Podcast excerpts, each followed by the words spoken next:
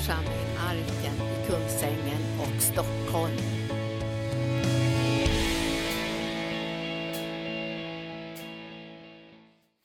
Några saker vill jag väldigt gärna bara sådär liksom pålysa. Jag vet inte, men jag hoppas att ni allesammans beder för Israel. Det är väldigt viktigt för Guds folk att vi lyfter fram Israel och välsignar Jerusalem. Det står att när vi välsignar, så ska vi, om vi välsignar Israel, Jerusalem, så ska vi bli välsignade. Nästa år, 14 till den 23 april 2018, Eh, då gör jag tillsammans med vännen och brodern Göran Duveskog en resa till Israel. Israel fyller 70 år då när vi är där nere. Och det blir en resa där vi på alldeles särskilt sätt vill eh, poängtera, visa att det finns ett folk i Sverige som älskar landet och som beder för det och som eh, vakar över att Guds underbara luften ska få gå i uppfyllelse när det gäller landet och folket. Så om du är intresserad får du så gärna bara ta en sån här liten broschyr som eh, jag har med mig. Och där har du hela programmet. Vi har 110 platser. Det blir två bussar och det kommer att bli väldigt, väldigt spännande. Jag har en man, han är inte en avgjord kristen ännu, men han följer med mig nu för sjunde gången till Israel. Och när jag eh, förra sommaren, jag och min fru var åt middag hos honom och hans hustru, så ehm, säger han så här, det är så märkligt, jag älskar Israel mer och mer och mer och mer. Och så började jag utmana honom lite grann. Jag sa, vet du jag tror att du har mer av Gud där inne än vad du egentligen vågar erkänna. Då nickade han och så sa han, jo det är allt så, sa han. Och så bad vi tillsammans. Och så kände jag att jag skulle utmana honom på en sak till. Nämligen, eh, han sa nämligen så här, du förstår att på lördag kväll när du predikar i Smålandskonferensen, då är det en jättestor golftävling och jag är golffreak. Men, sa han, jag har beslutat mig för att jag spelar in programmet och så kommer jag till mötet för jag ska vara med när du predikar Guds ord. Och då sa jag till honom, du, nu ska jag utmana dig. Du sitter bedjande hela mötet. Då blev han väldigt allvarlig. och sa, det ska jag göra. Och när de kommer till mötet på lördagskvällen så säger han till sin fru som har varit frälst i många år, jag måste bara gå fram och hälsa på Birger. Och då säger hon, du får inte störa honom nu innan han ska predika. Då sa han, han och jag har ett avtal tillsammans med Gud. Och under hela mötet såg jag honom sitta och bedja och, och, och liksom söka Gud. Och när mötet var över så, så skickade han en, ett sms till mig och sa, tack för en fantastisk predikan. Nu bor han i mitt hjärta. Halleluja. Så är det med Herren. Ja, det är underbart. Eh, hela förra veckan var jag i Finland och jag började måndagen. Eh, då var jag på Himlen TV7, den här finska kanalen som eh, är, har en oerhört hög och bra kvalitet och alltihop det här. Och jag har gjort 12 program för dem tidigare. Egentligen har jag gjort 18, men 12 program i en serie som heter I den profetiska vågskålen.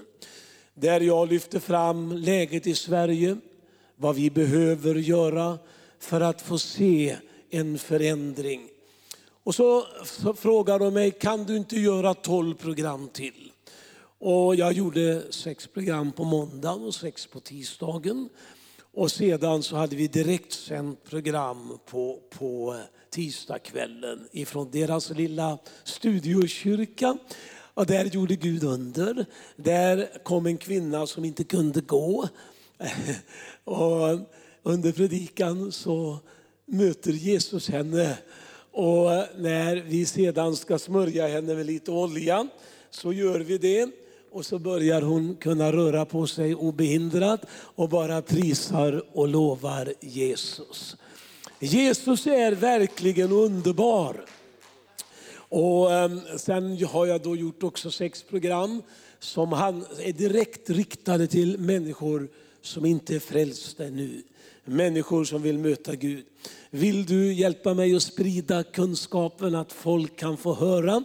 Vi satt och pratade, Linda och jag och Gunnar, hur viktigt det är att väckelsekristendomen får leva.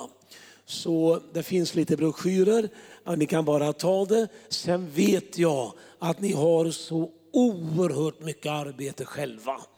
Så jag vill inte, jag vill inte tvinga er på något sätt, men vi hjälps ju åt. Vi går sida vid sida.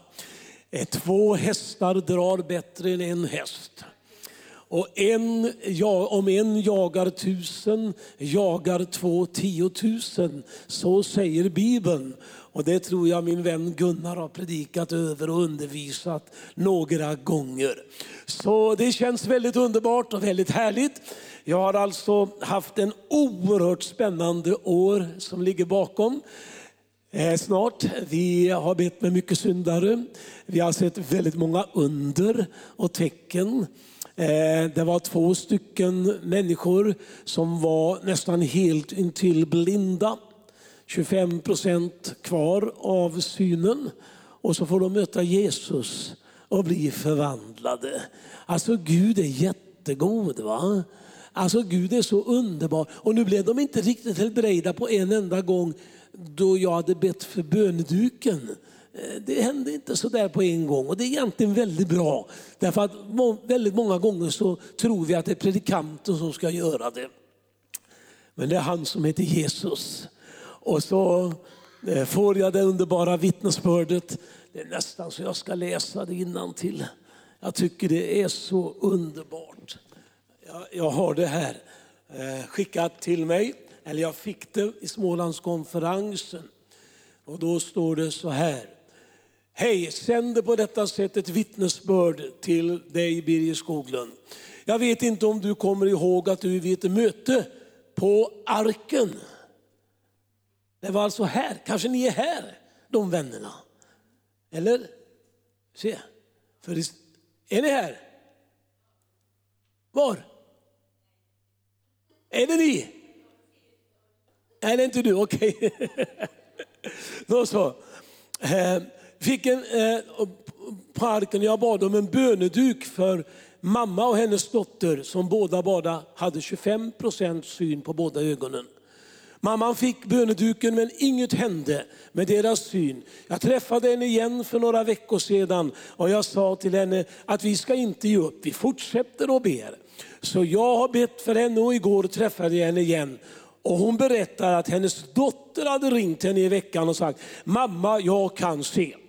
Ta av dig glasögonen du också och pröva om du kan se, sa dottern. Och det gjorde hon. Och då kunde hon också se. Så att hon inte, fast hon inte hade några glasögon på sig. Hon sa, eh, ska vi se, var är jag nu någonstans? Ta av dig glasögonen, just det. Och det gjorde hon och då kunde hon också se. Så att hon inte, även om hon inte hade några glasögon på sig. Hon sa att doktorn sagt att hon skulle bli blind på vänster öga. Och nu var det ögat hon såg bäst på. Miraklet har skett. Och jag blev jätteglad att det skedde så där. För då är det bara Gud som får äran. Kvinnan bor i Rinkeby i Stockholm. Hon var så glad, så glad. Hon ville berätta det för dig. Att sent om sidor grep Gud in. Och sen står det, hoppas att ni har en underbar konferens. Och det hade vi. Vi hade en fantastisk konferens. i år i, i Smålandskonferensen. Men jag måste berätta lite mer när jag predikar för er. Därför att ni måste ju bara fyllas av glädje och tro vad Jesus gör. Ni förstår att vi har fått se sådana märkliga under. Eh, ja, förra sommaren så var jag och min hustru på lång resa i Nordnorge. Vi reste över 400 mil i Nordnorge och så blir det då 200 mil fram och tillbaka mellan eh, Örebro och Nordnorge. Så det blir 600 mil på några veckor. Och det, det är jätteroligt. Det är så vackert förstår ni. Det är så vackert så det är njutning att köra bilen där. Även om det är trångt och smalt ibland. Men så öppnade Gud sådana märkliga dörrar för oss. Och vi fick se cancersjuka bli helbrägda. Vi fick se människor som var handikappade plötsligt börja röra på sig. Och det var en oerhörd välsignelse så skulle vi åka tillbaka till en, eh, en bönekonferens. De ville kalla mig till en bönekonferens i Alta. Och jag kände mig fruktansvärt dålig för att göra det där. Inte sjuk till kroppen, men jag tyckte, jag är ju ingen bra bedjare alltså. Jag ber ju inga vackra böner och det blir inte, ibland är de så korta så jag skäms för dem. Och, och så, där, va? så jag sa, kan ni inte göra så att ni kallar Kurt Johansson också? Och eh, det gjorde de. Och så åkte jag och Kurt Johansson upp till Alta.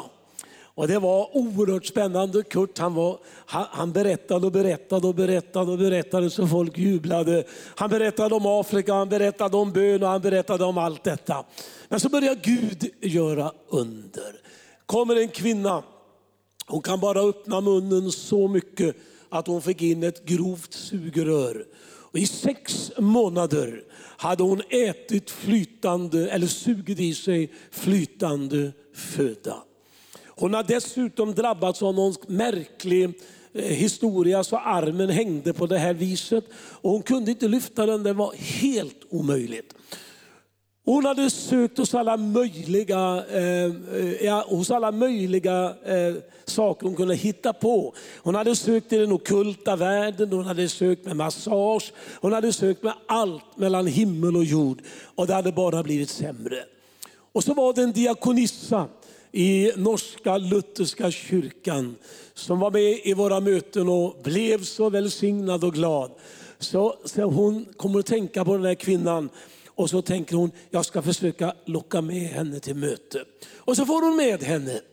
Och eh, så eh, säger hon, hon ringde mig och sa att eh, jag kommer att ha med mig en kvinna som du ska be för. Ja, så det går bra. Och så träffade jag dem ute i vestibulen till Pingstkyrkan. Och så sa jag, ska vi gå in då i kyrkan och be? Nej tack, sa hon, det ska vi inte göra. Hon ville absolut inte gå till kyrk, in i kyrkan. För hon sa, jag är inte värdig att gå in i kyrkan. Till saken hör att hon hade aldrig varit på en gudstjänst. Aldrig någon gång. Och eh, jag sa, då får vi be här i vestibulen. Ja men det går bra, sa hon. Och så ställde hon sig längst in i ett hörn.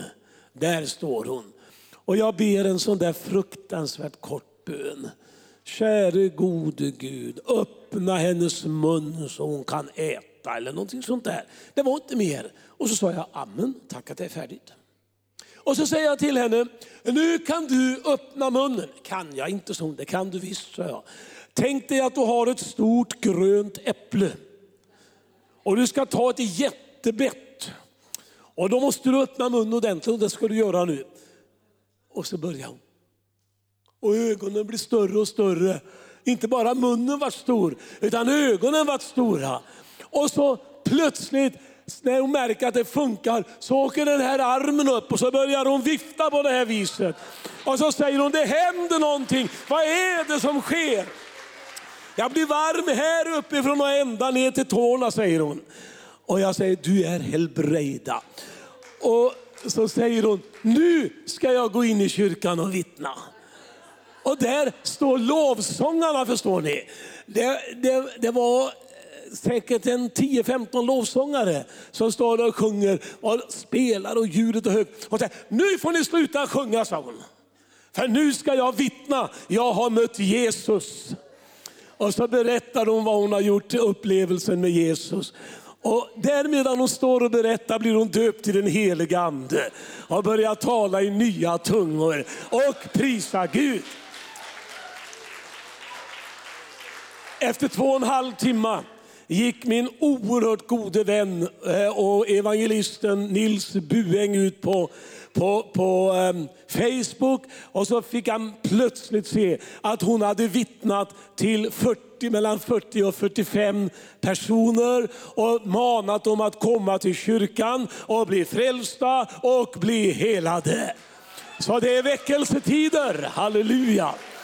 Och bland annat så kom en man han hade blivit felopererad och hade haft fler, mer än 15 års lidande av en feloperation som gjorde att han inte kunde jobba. Och eh, det, det, var väldigt gripande. Han ville heller, av någon konstig anledning, ville han inte gå in i kyrkan riktigt. Utan han sa, vi kan väl gå ner i de nedre salarna. Ja, så här, vi kan göra för Gud hör bön precis lika bra ifrån de nedre salarna.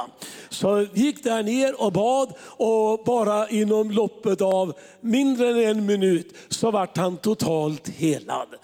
En annan var så svårt, så, så, hade så svårt att han inte alls kunde gå. Han var fullkomligt vriden, hela, hela kroppen var vriden.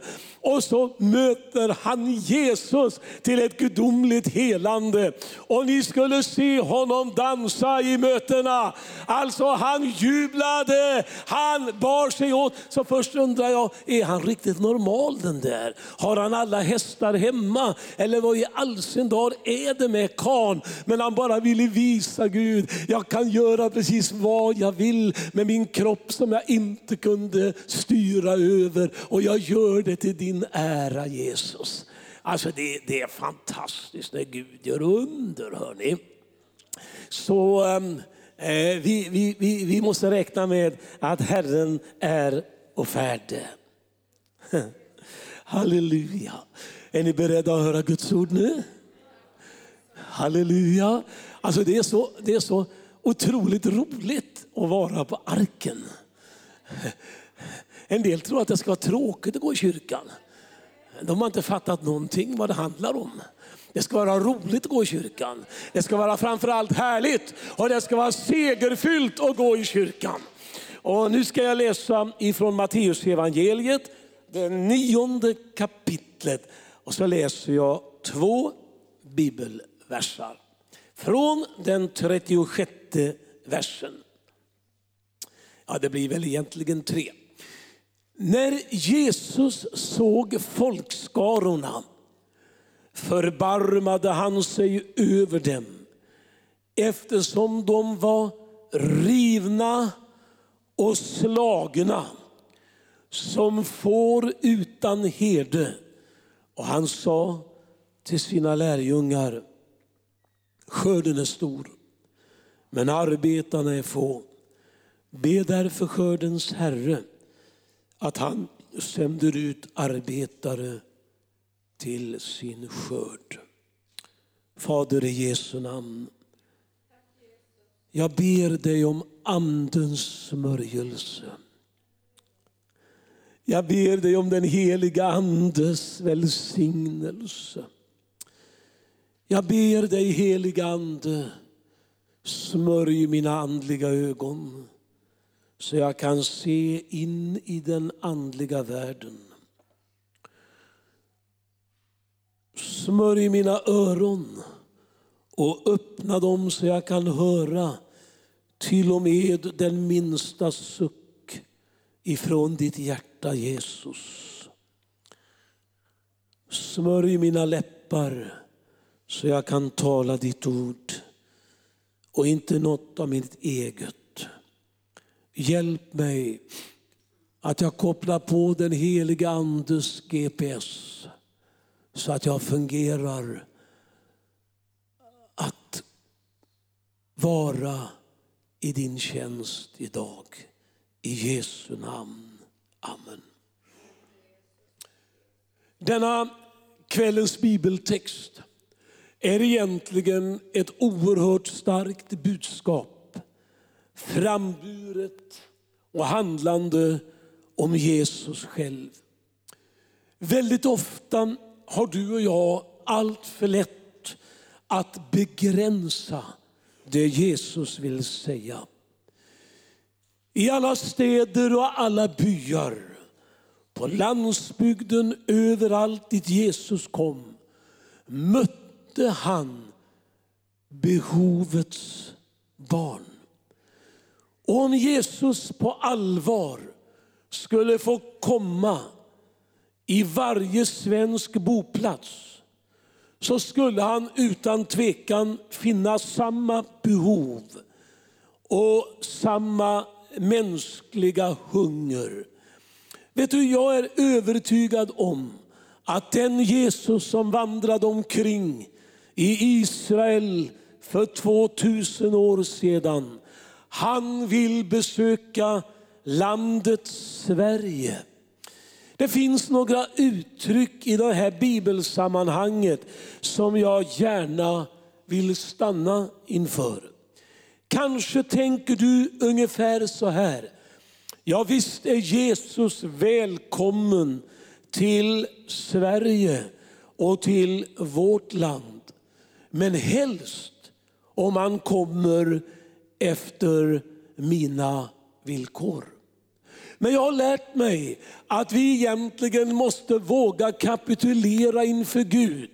Om vi ska kunna bli den välsignelse som Herren har tänkt för oss, behöver vi kapitulera och säga Herre, du får göra vad du vill, hur du vill och när du vill. Och därför så tror jag på en stor väckelse över det här landet.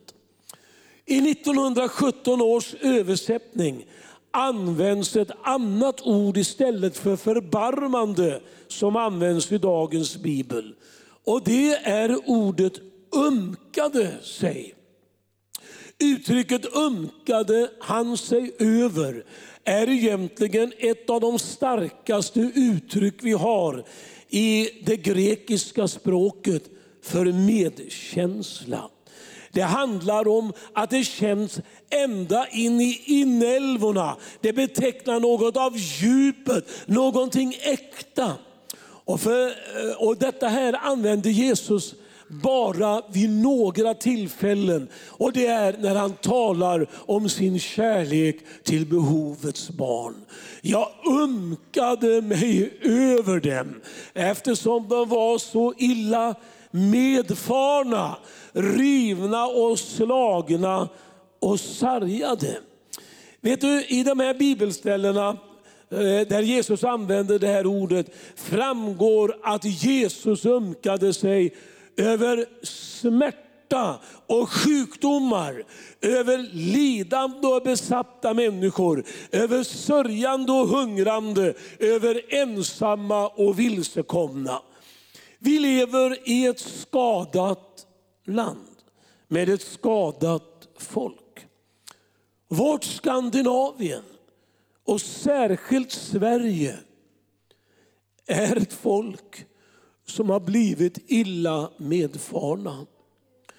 Ordet betyder egentligen utarmade, plundrade av rövare. Och vi måste väl ändå erkänna att vi ser skaror av människor som har råkat ut för rövaren Satan, vars enda målsättning är att stjäla, slakta och förgöra. Men precis som Elias dagar är det också idag människor som brutit ner den försvars, försvarsmur som evangeliet om Jesus Kristus har byggt upp. Faktum är att vi har blivit väldigt skumögda och ibland drabbats av en andlig grön starr. När Herrens ande började tala med mig om detta så var jag tvungen att gå ut och titta, vad är grön starr egentligen? Och då säger man att det är en ögonsjukdom som skadar själva synnerven i ögat. Många av vårt svenska folks ledare har drabbats. Och de ser inte, eller kanske vill inte se, att rövare har plundrat landet på, and, på de andliga rikedomar som vi ägde en gång.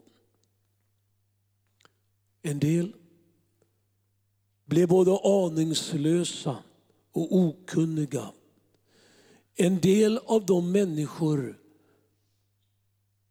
som växte upp exempelvis i 60-talets liberala tankar är idag ledare i vår värld, i vårt land. Och dessa människor har inte någon kunskap om vad de egentligen har rivit ner. Låt mig ge dig några skrämmande exempel. Kanske jag ska få berätta en sak först innan jag ger dig det. Jag älskar de där predikanterna som kan predika så folk skrattar så de ligger dubbla. Jag älskar dem. Tycker det är underbart. Och så var jag lite avundsjuk på dem också. Jag tyckte, och jag sa till Gud, Gud, jag kan, väl också, jag kan också en lång rad av roliga historier som jag kan fläta in i förkunnelsen. Då sa Gud, det är inte jag med på. Det blev ett sånt allvarligt samtal med Gud att jag känner att jag måste bara delge det lite grann. Gud sa, jag har aldrig någonsin kallat dig att vara en stand-up comic preacher. Du ska predika mitt rena levande ord. För människor behöver höra detta.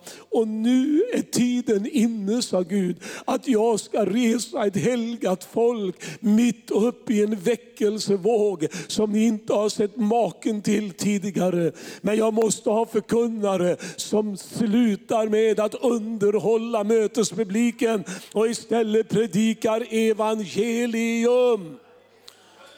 Och när jag hörde detta, vi applåderar Herren för han har talat till mitt hjärta.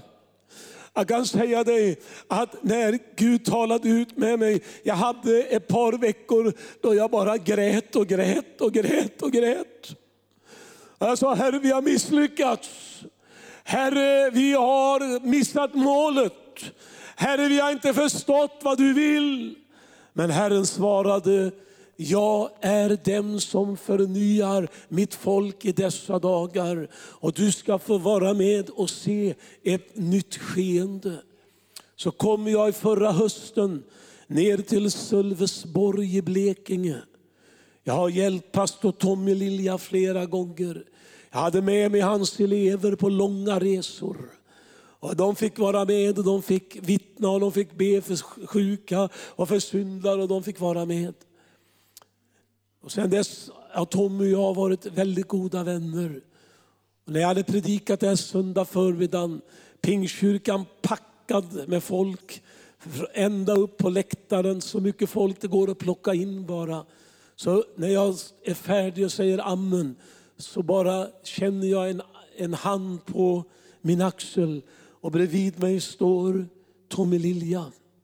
Och så säger han någonting. Jag har lyssnat på dig många gånger. Men nu vill jag säga dig någonting väldigt viktigt. Och jag ber att du lyssnar.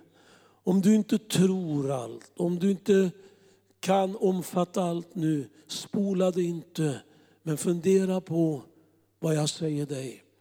Och så börjar han säga, du ska lägga om ditt arbete. Du ska börja, du ska utse åt dig ett antal församlingar i landet som du ska besöka några gånger under ett år. Och så ska jag ge dig ett budskap så starkt att det skakar om och det börjar växa och det börjar gro någonting nytt.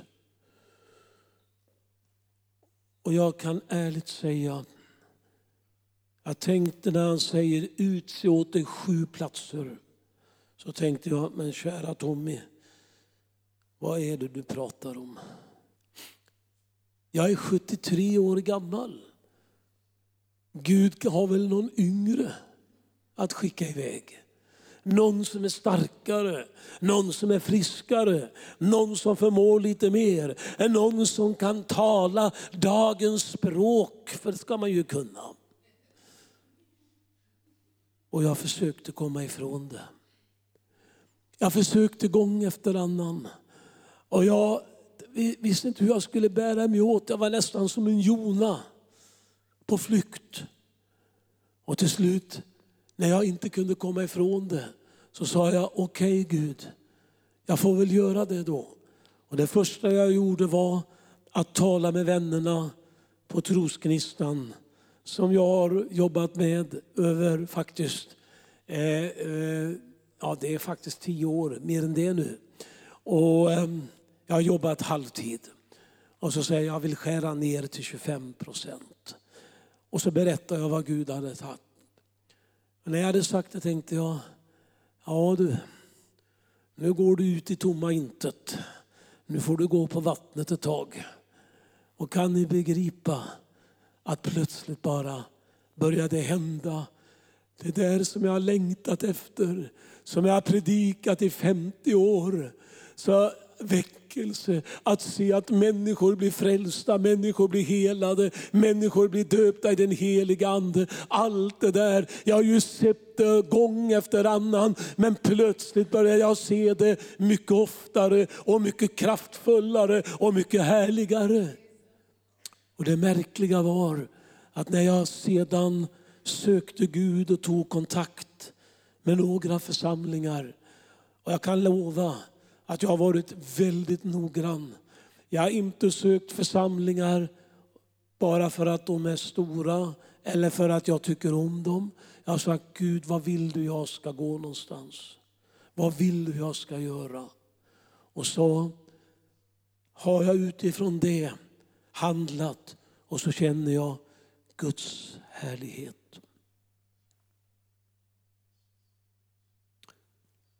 Idag lever vi i en tid där ledare uppfostrade i 60-talets liberalism, aningslösa okunniga politiker och ett oandligt ledarskap som effektivt plockat bort en tro som var liksom det kitt som höll oss på den rätta vägen.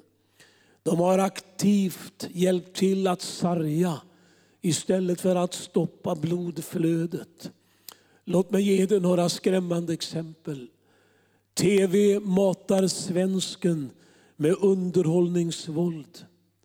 Jag tror att underhållningsvåldet har stor del av skulden till allt det verkliga våld vi upplever i våra städer. Det är inte bara storstäderna Stockholm, Göteborg och Malmö utan lilla Arboga. Små platser drabbas av ett oresonligt hatiskt våld ifrån själva helvetet. Därför behövs det en församling som träder fram och säger nu får det vara slut. Apropå underhållningsvåldet kommer vi aldrig någonsin att kunna känna oss helt trygga från våldets fula ansikte så länge vi fortsätter betrakta våld som underhållning. Våld är aldrig det minsta roligt. Vi måste våga säga ett kraftfullt nej till allt underhållningsvåld. När ska detta ta slut? Ska ni få höra? Jo, när församlingen börjar resa på sig igen. Nu måste jag tala väldigt uppmuntrande profetiskt. Uppmuntrande till Linda och Gunnar. Därför att Herren har lagt det i mitt hjärta.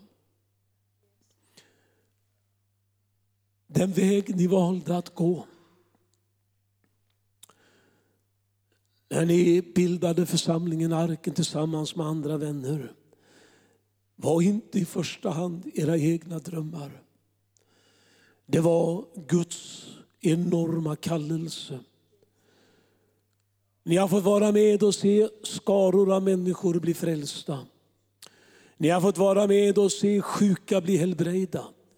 Du Linda har skrivit flera böcker om helande. Ni har undervisat skaror av människor. Och ibland så har ni stått i motvind. Ibland har det blåst iskalla vindar ifrån världen. Men ni har ändå stått där troget. Men vet du vad jag har fått ifrån Herren att säga till er? Nu är tiden inne då jag ska visa min härlighet, säger Herren. Egentligen borde hela församlingen börja jubla. För nu är tiden inne då Gud vill upprätta er igen. Då Gud vill göra någonting nytt i Stockholm. Halleluja! Det är en ny tid på gång. Och den helige Ande håller på att beröra oss. Här i texten stod det att de var uppgivna. Det ordet betyder egentligen slängda, kasserade, nedslagna, utmattade. Så att de bara kunde gå med största svårighet.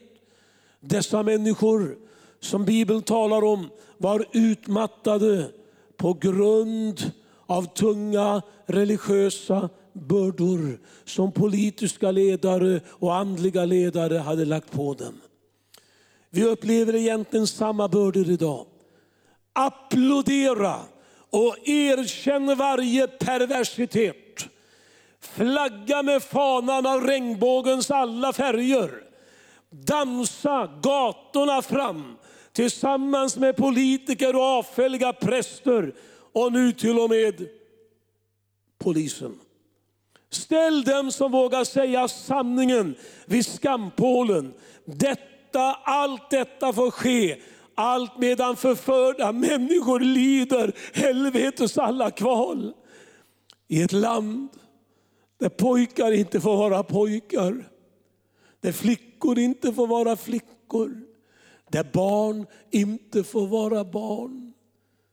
Där hela familjer betraktas som en utopi, någonting ifrån en gammal förgången tid. I ett sådant land verkar vi idag. Det tycks inte vara något anmärkningsvärt att hänga ut de som inte vill applådera smutsen och som aldrig kan vänja sig vid stanken av en rutten moral till allmänhetens förakt. Det är skrämmande, det är motbjudande. Och här, Linda, har du väldigt kredit. Det är motbjudande att okulta inslag i vård har fått en sådan oerhörd makt att när man inte vill vara med och tillbe okulta gudar så kan man till och med i vissa fall nekas sjukkassa. Detta mina vänner är Sverige idag. Ändå är jag glad att leva i en demokrati. Mycket glad. Men om demokratin begår övergrepp mot alla dem som vill leva för Gud, då använder man envåldshärskarnas verktyg. Vårt rättfärdighetspatos måste gå långt utöver liberalteologer och tvivlande skrifttolkare. Vi behöver mer av Jesu empati. Halleluja, halleluja. Vi behöver förstå att Jesus älskar syndaren. Ibland kastar vi ut barnet med badvattnet. Men det är inte syndaren vi ska skjuta. Men vi ska göra som Jesus gjorde, hata synden men älska syndaren till Jesus. Och det är det vi kan göra och vet du, det är det jag förstår Gud vill möta oss med. Jag bara upplever att den heliga Ande håller på att öppna våra, våra andliga ögon så vi kan se. En dag ska den här kyrkan, Gunnar, en dag ska den här kyrkan vara så fullsatt. Vardagskvällar. Vardagskvällar. Därför att Gud kommer att sända människor till er som hungrar och törstar. Jag känner i min ande att jag ska säga detta så starkt jag bara kan. Vi behöver uppleva den Jesus som botade den spetälske mannen. Han hade predikat och därifrån bergsbygden kommer en spetälsk man och säger till Jesus, Jesus om du vill så kan du hela mig. Och det står någonting underbart. Det var nämligen egentligen förbjudet för de spetälska att vara i samhället. Det var förbjudet att vara nära någon.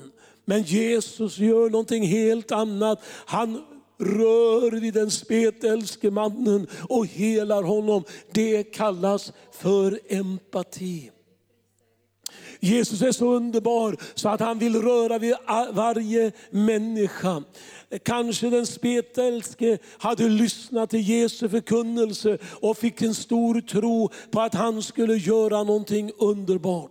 Med en oerhört kärleksfull empati berör Jesus alltid de svaga. Han lyfter de svaga, han hjälper de usla, de som är sargade, de som är uträknade. Det är dem han tar hand om. Därför har mannen på gatan full av alkohol och droger, så har han en som vill beröra honom. Det är Jesus. Jag nämnde om en evangelist som heter Nils Bueng. Hans vittnesbörd är så fantastiskt. Och, jag skulle önska att ni någon gång fick höra honom här. Denne Nils Bueng jobbade hos kung Olav av Norge. Han var hovlakej. Men spriten började förstöra hans liv. Och en dag så blir han inkallad av kungen. Och så säger kungen, vi vill inte ha dig här längre. Vi kan inte ha en alkoholist gående här. Det fungerar inte. Nils går därifrån utan arbete, utan möjlighet att egentligen försörja sig. Han hade en frälst, har en frälst mor. Eh, de är eh, same, av samefolk. Och hennes, hans mamma hade bett oerhört mycket för Nils. Och Nils han går ner på sina knän på rummet där han bor. Och så säger han, Gud om du finns, ta hand om mig, rädda mig. Det gick inte så där jättebra med detsamma. Det var fall och det var det ena misstaget, misslyckandet efter det andra. Men idag står han som ett brinnande vittne om vad Gud kan göra. Alltså ni, skulle, ni, ni, kan inte drömma om när ni hör honom sjunga Jag är så glad och fri. Och han jublar och han dansar och han sjunger. Ni, ni tror, ni, ni tror att det, det, kan inte vara så härligt. Men alltså han är så helt underbar. Så, så han, han bara lyser av Jesu kärlek. Och när jag har försökt få honom till södra Sverige har han sagt, min kallelse är mitt eget folk. Min kallelse är mina egna systrar och bröder. Och när jag mötte honom nu för några veckor sedan så sa han, nu är alla mina bröder frälsta. Hela familjen är frälst och räddad. Och vet ni, jag tror att vi ska få uppleva en sån kärlek ifrån Jesus. Du, du har säkert nära och kära omkring dig och du tänker, ska de någon gång bli frälsta? Du har bett för dem och de har fräst till åt dig. Du har, du har sagt, ni måste tänka på Jesus. Ja, ja, ja, ja, säger de, det där tar ordnar vi sen någon gång. Sluta tjata. Men vet du att Guds ande håller på att påverka dem? Och rätt vad det är så där är krokarna satta i fiskens mun och så dras han in. Ja du käre gode Gud, om vi hade den empatin. Och det, du vet när Jesus möter kvinnan vid Sykarsbrunnen så är det precis samma empati där. Då Jesus bara behandlar henne som vilken fin människa som helst. Och han till och med ber henne, ge mig lite vatten. Hon blir alldeles förvånad. Hur kan du som är jude be mig, en samarisk kvinna, om vatten? Och Jesus säger, om du visste vem du talar med skulle du ha bett mig om levande vatten. Och, och, så vet ni hela historien. Och så går hon ut i hela staden och berättar att jag mött en som har sagt mig allt vad jag har gjort.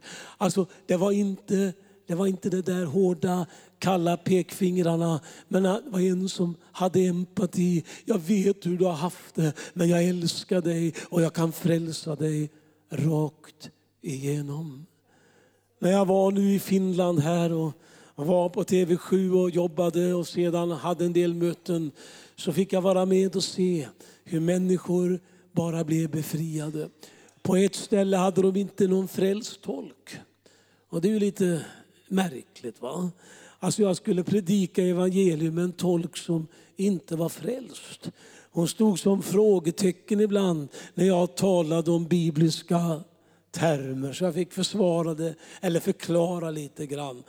Men när jag var färdig så säger hon, jag har tagit emot Jesus.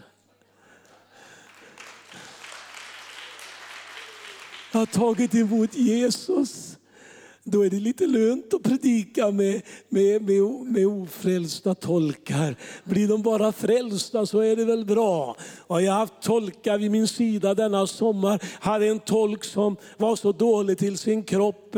Och han sa, jag vet inte hur länge jag orkar, men ifall jag inte orkar så har jag en annan som hjälper, till, hjälper mig.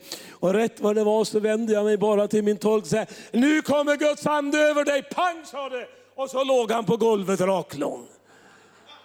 Och jag tänkte, ska vi kalla upp den andra? Men det gjorde jag inte, för han låg och tolkade. Och det går ju lika bra att ligga och tolka som att gå och tolka. Men vet Gud, när Gud kommer och gör under, då sker det någonting utöver det vanliga. Men vi säger, nej Gud vi ska ha ordning och reda på torpet. Jag ska säga dig, vi behöver annorlunda möten då det börjar spraka och susa av Guds härlighet. Halleluja! Då blir en gammal 73-årig predikant som en ung 17-åring igen. Och då blir gamla tanter och farbröder med ont i knäna och skallverk och alltihopa, de blir förnyade och den heliga ande börjar flöda över dem. Alltså det är det här vi behöver. Vi behöver en väckelsekraft i våra församlingar och vi säger Herre, vi helgar oss för imorgon ska du göra under ibland oss. Halleluja! Jag tror, jag tror på starka väckelsemöten. Får jag avslöja en sak? Bli inte arga på mig, slå mig inte efter mötet är ni snälla. Men jag har inte mycket tro på rökmaskiner i mötena. Jag tror på den helige Andes bönerökelse. När vi börjar prisa Herren och Gud lyssnar till våra böner och det är rökelse inför Guds ansikte. Det tror jag på. Jag tror inte så mycket på blinkande ljus. Om de är röda, eller gröna, eller blåa eller vita, det spelar ingen roll. Jag tror inte på dem i alla fall. Men jag tror på ljuset ifrån himlen. Jag tror på ljuset ifrån evangelium. Jag tror på ljuset ifrån korset, från Golgata kulle. Ja, jag förstår väl att en del vill ha det lite häftigt. Men ska du ha det riktigt häftigt, då ska du vara med och se Gud göra under. Ska du ha det riktigt ordentligt häftigt ska du se folk lämna rullstolarna. Ska du ha det riktigt ordentligt häftigt ska du se blinda se och döva höra. Det är ju det evangelium gäller. Halleluja! Wow! Oh, vad vi behöver mycket av det här. va? Vill ni ha sånt här i framtiden? Ja, jag tänkte väl det. Jag tänkte väl att ni är rätt så hungriga. Och så säger Bibeln så här. Bibeln säger så här. rädda dem som släpas till döden. Och dra dig inte undan dem som stapplar till avrättningsplatsen. Det är många i, våra, i vårt land som stapplar mot döden. Det är många som är på väg mot avrättningsplatsen. Unga killar, unga tjejer. Människor som har lurats in i ekonomiskt trassel och så vidare.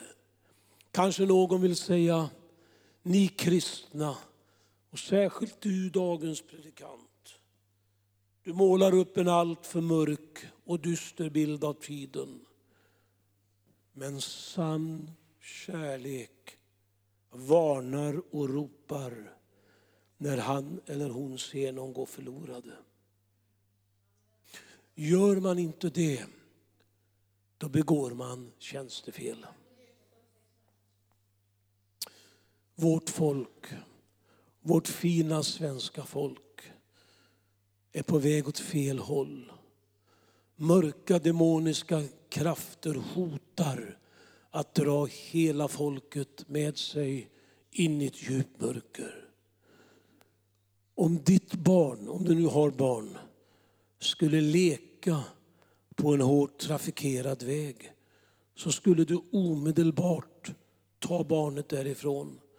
Och även om barnet skriker dumma mamma, du är den dummaste mamma som finns. Alla andra mammor låter sina barn leka. Så gör inte du det i alla fall. För du vet att rätt vad det är kan en bil släcka livet. För den skull känner jag att jag ropar med en viss smärta till Sveriges folk och dess ledare.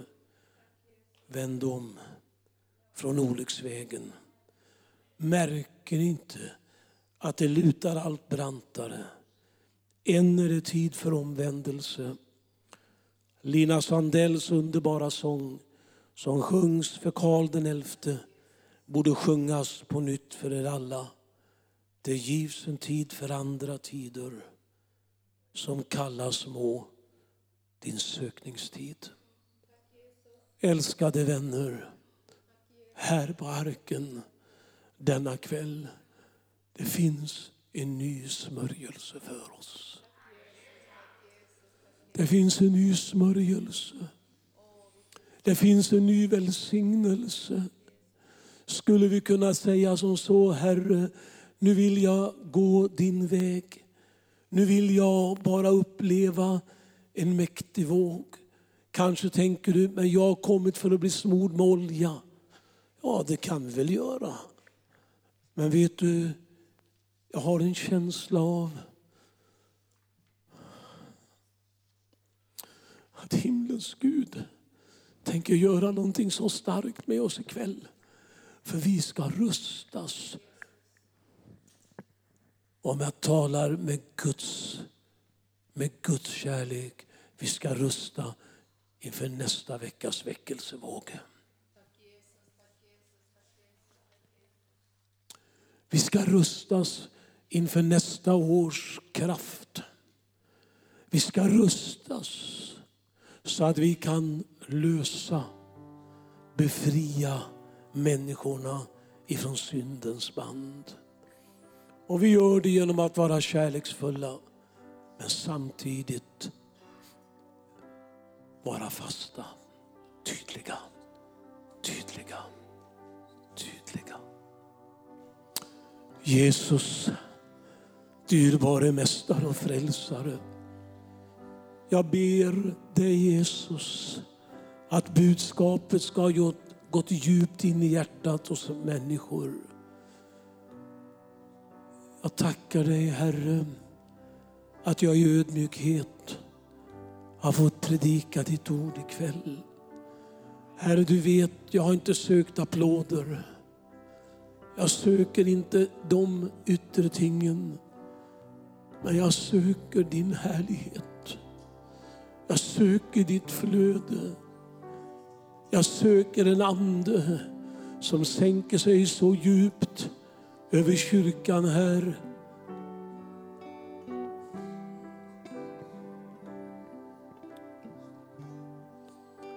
Kirdonala parentidola barantosdilimania. Jag söker den tiden och jag upplever den anden som bara sänker sig över oss.